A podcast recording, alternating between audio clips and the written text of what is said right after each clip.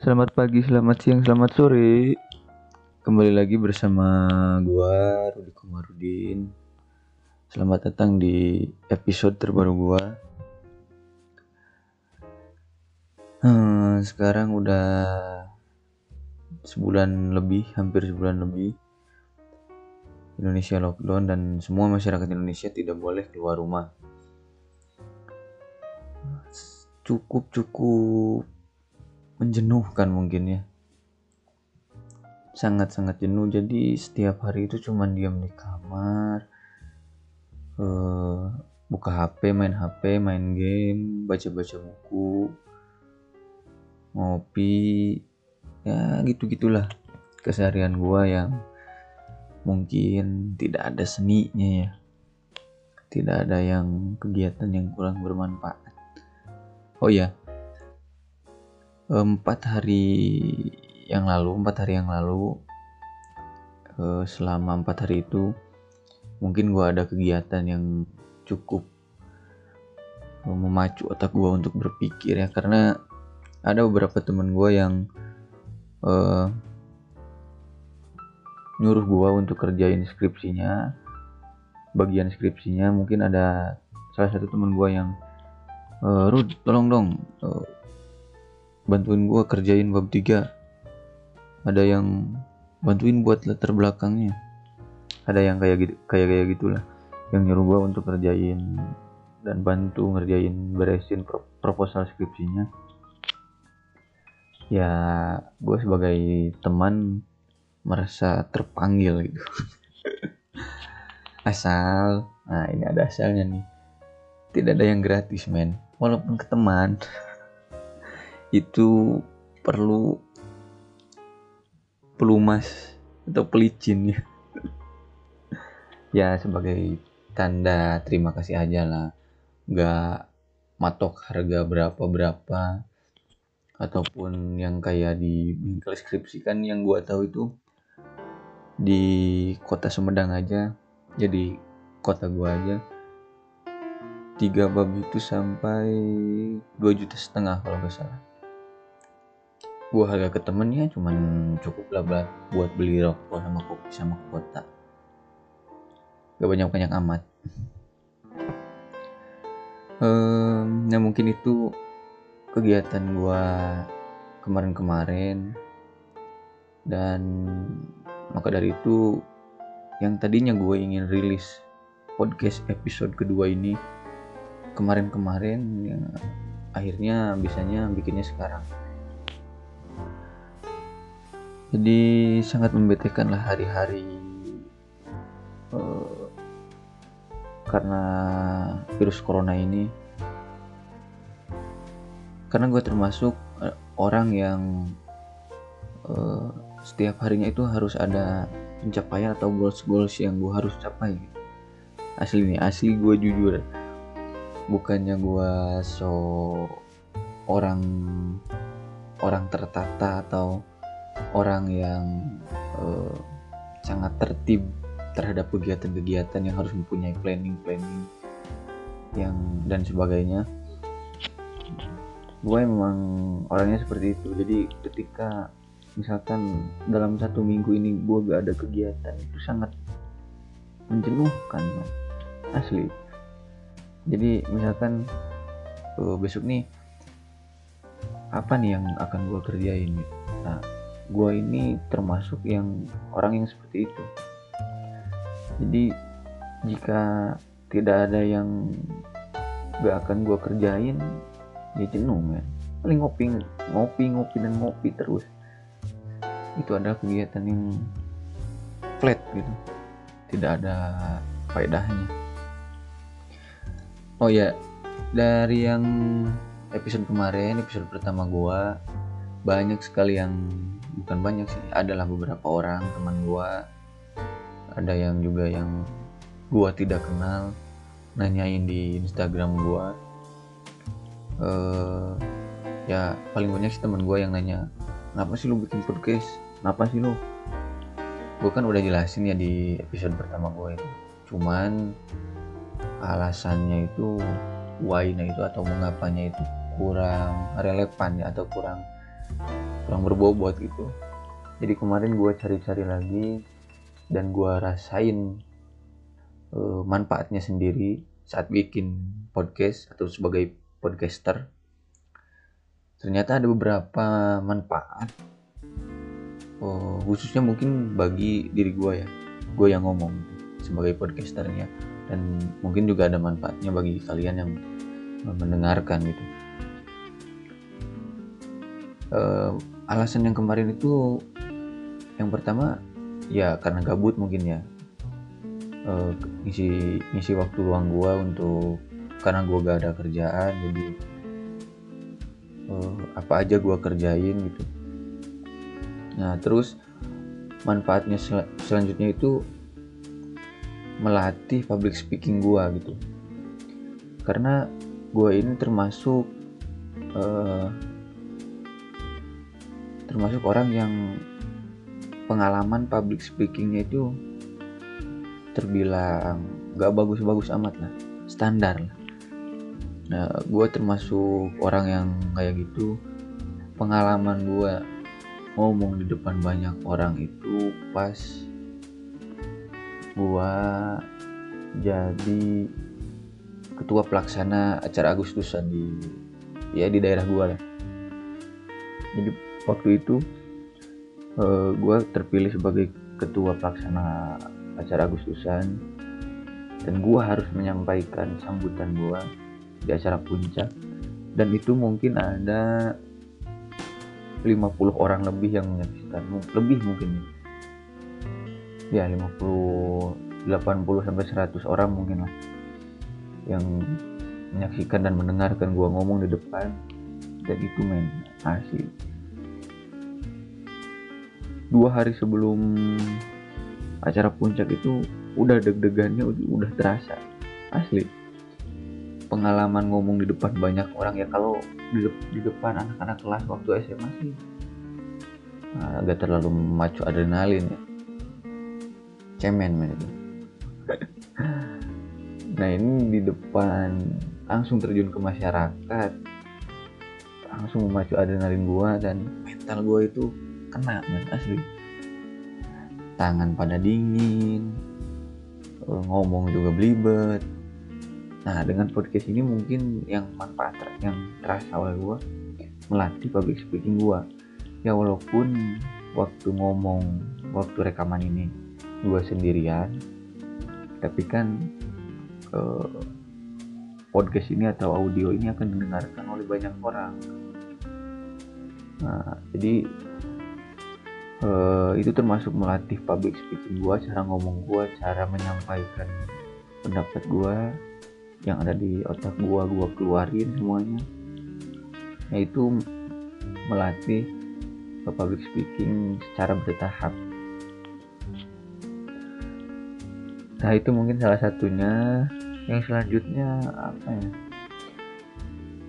Manfaatnya itu yang terasa gue oleh gue tuh personal branding nah, istilahnya itu agak-agak keren ya.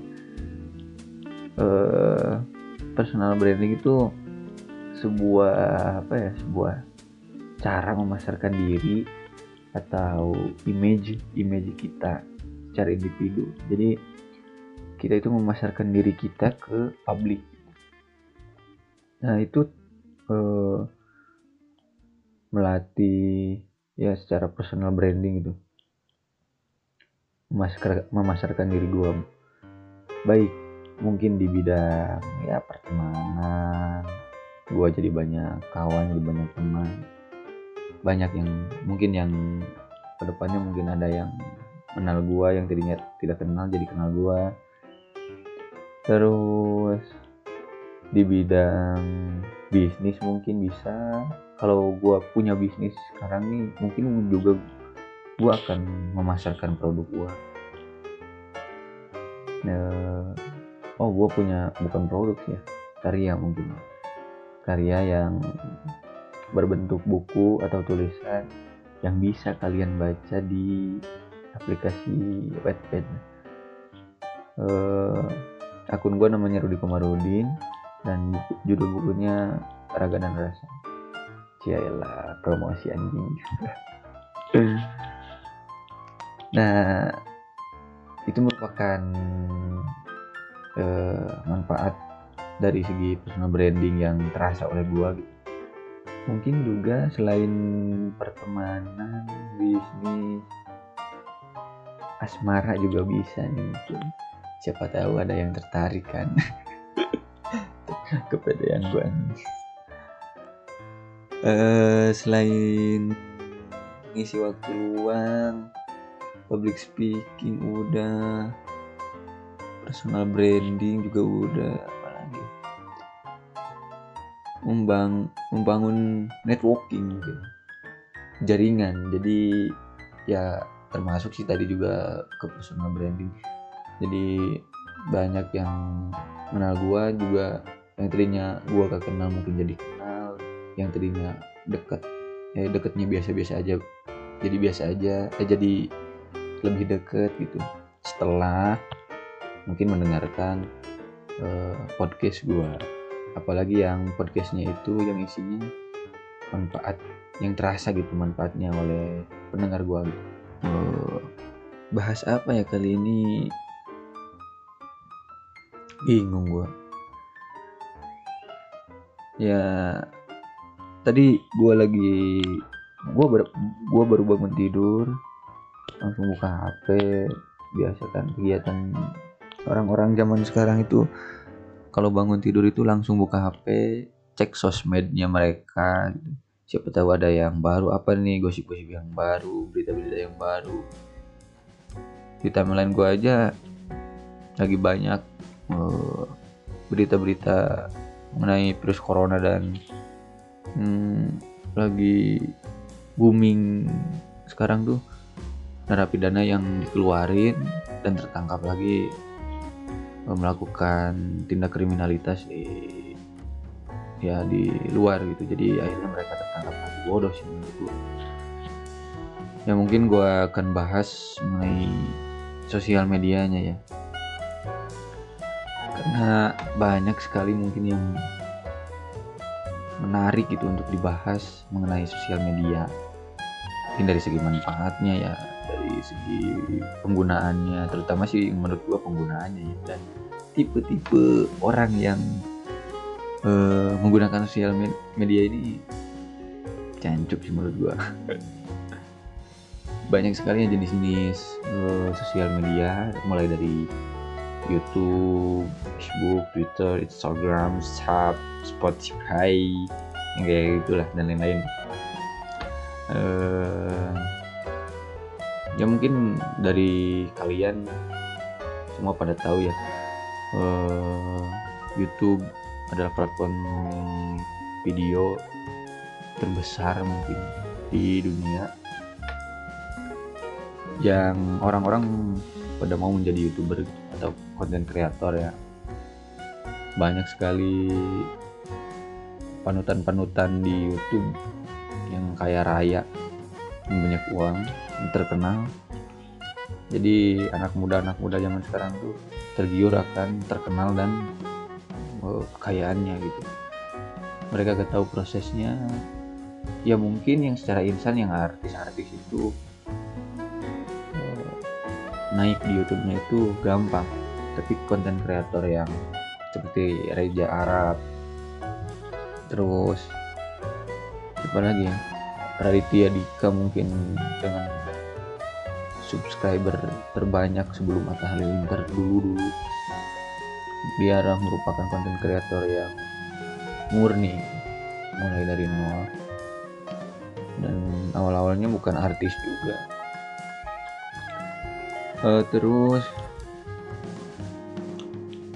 uh, Facebook. Nah ini isinya adalah orang-orang yang alay Twitter Twitter apa ya? Wah barbar nih. Sosial media yang menurut gua paling barbar. Karena di, di dalamnya itu banyak yang nge-tweet atau update kehidupan-kehidupan sehari-hari mereka ya pengguna-penggunanya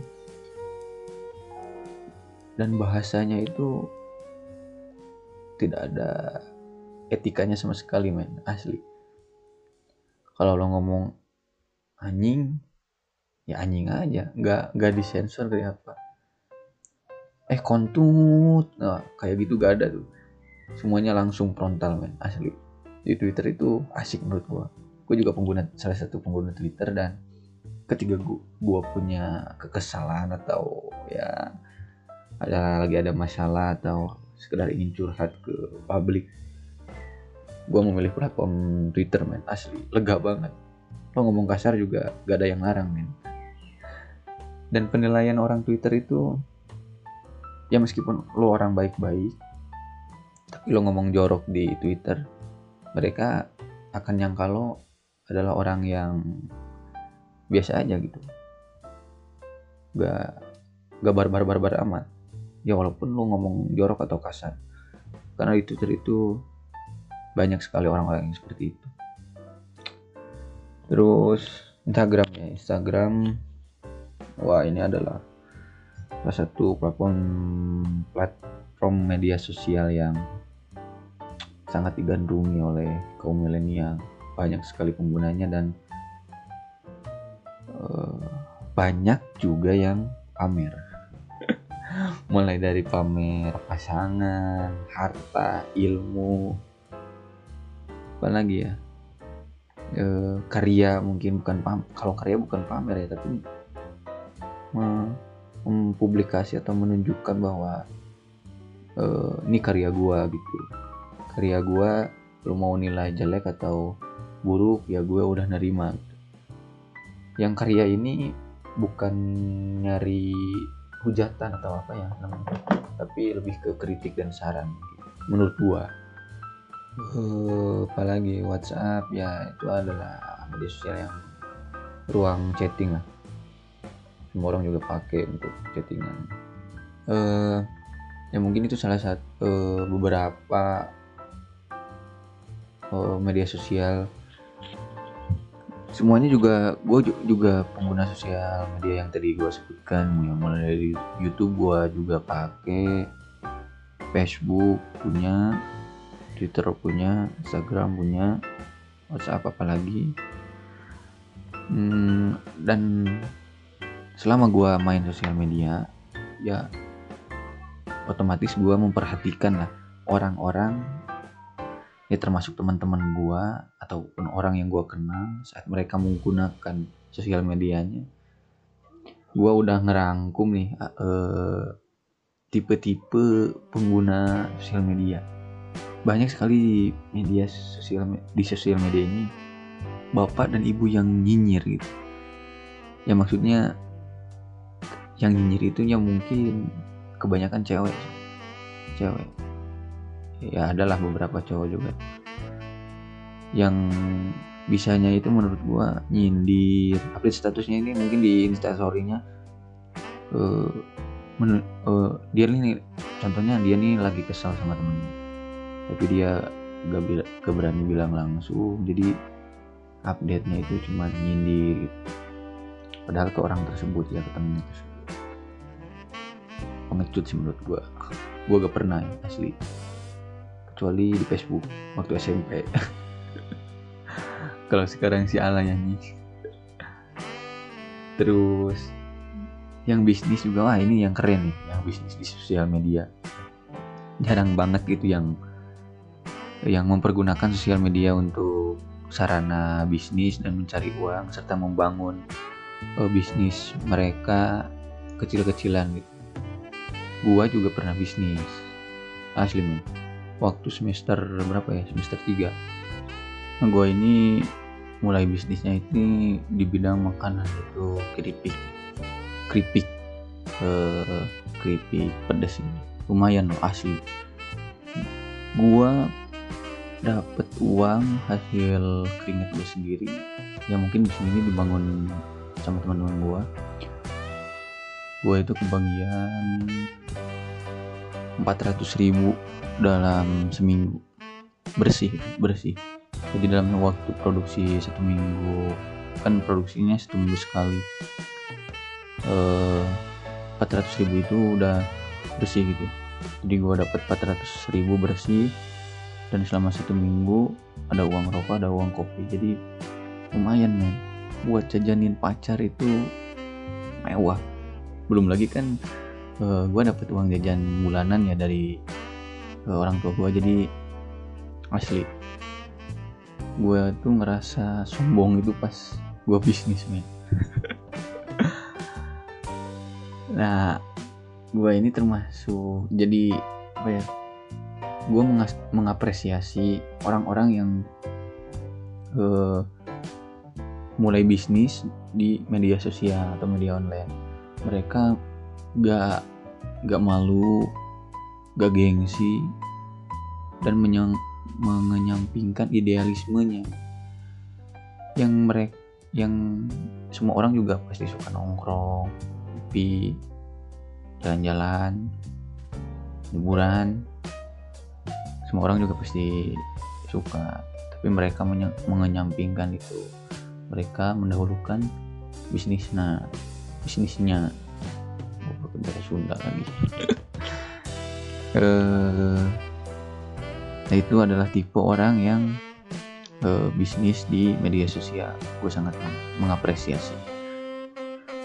Terus banyak juga stalker-stalker di media sosial. Ini ini yang gue juga ngalamin.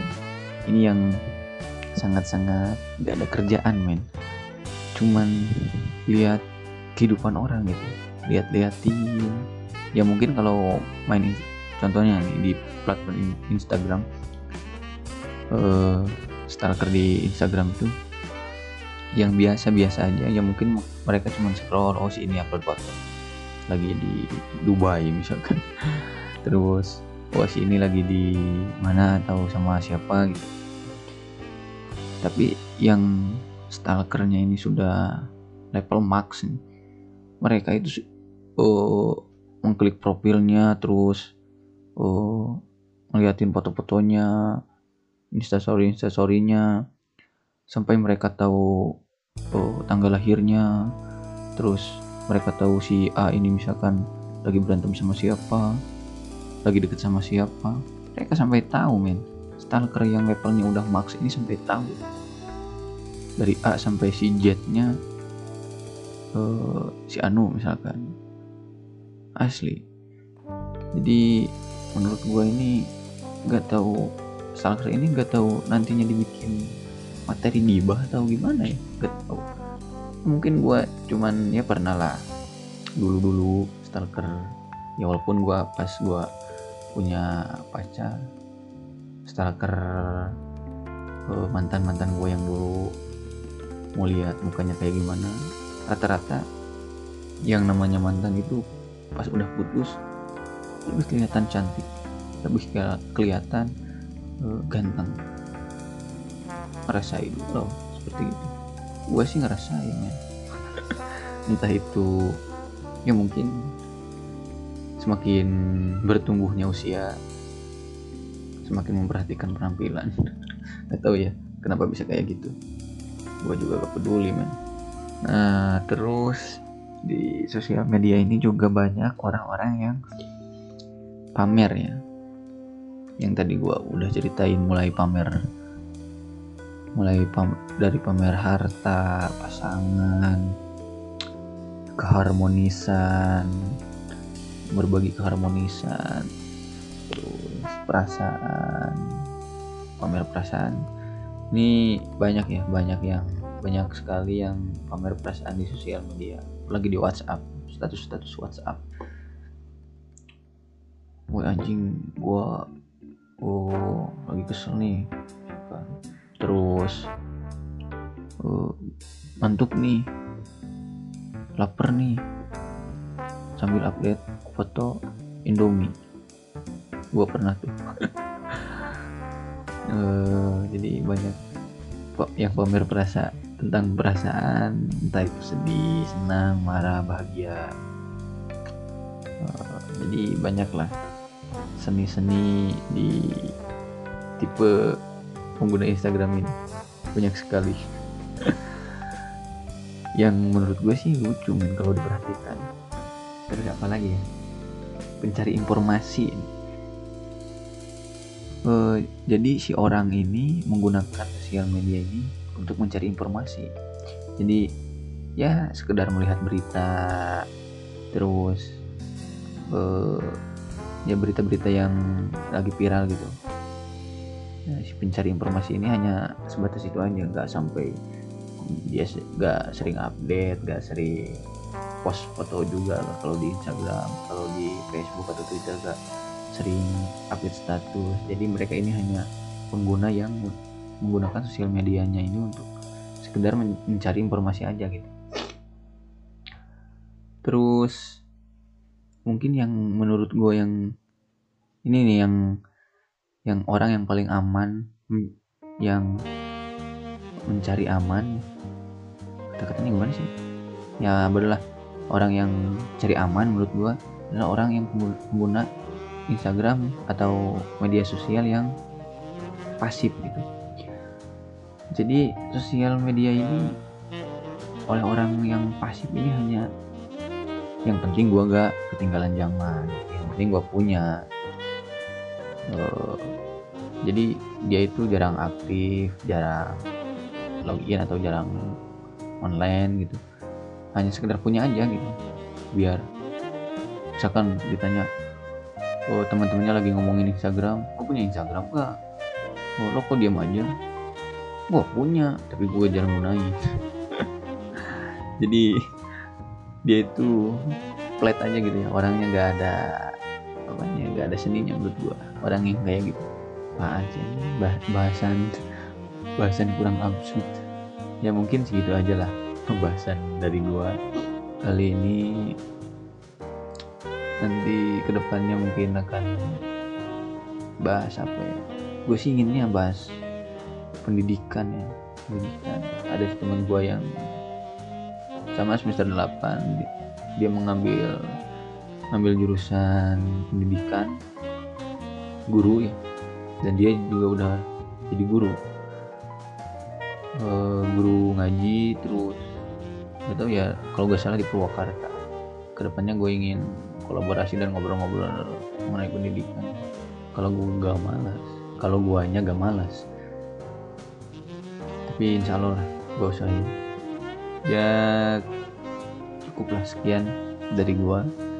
Semoga kalian terhibur dan terima kasih yang udah selalu dengerin podcast gua.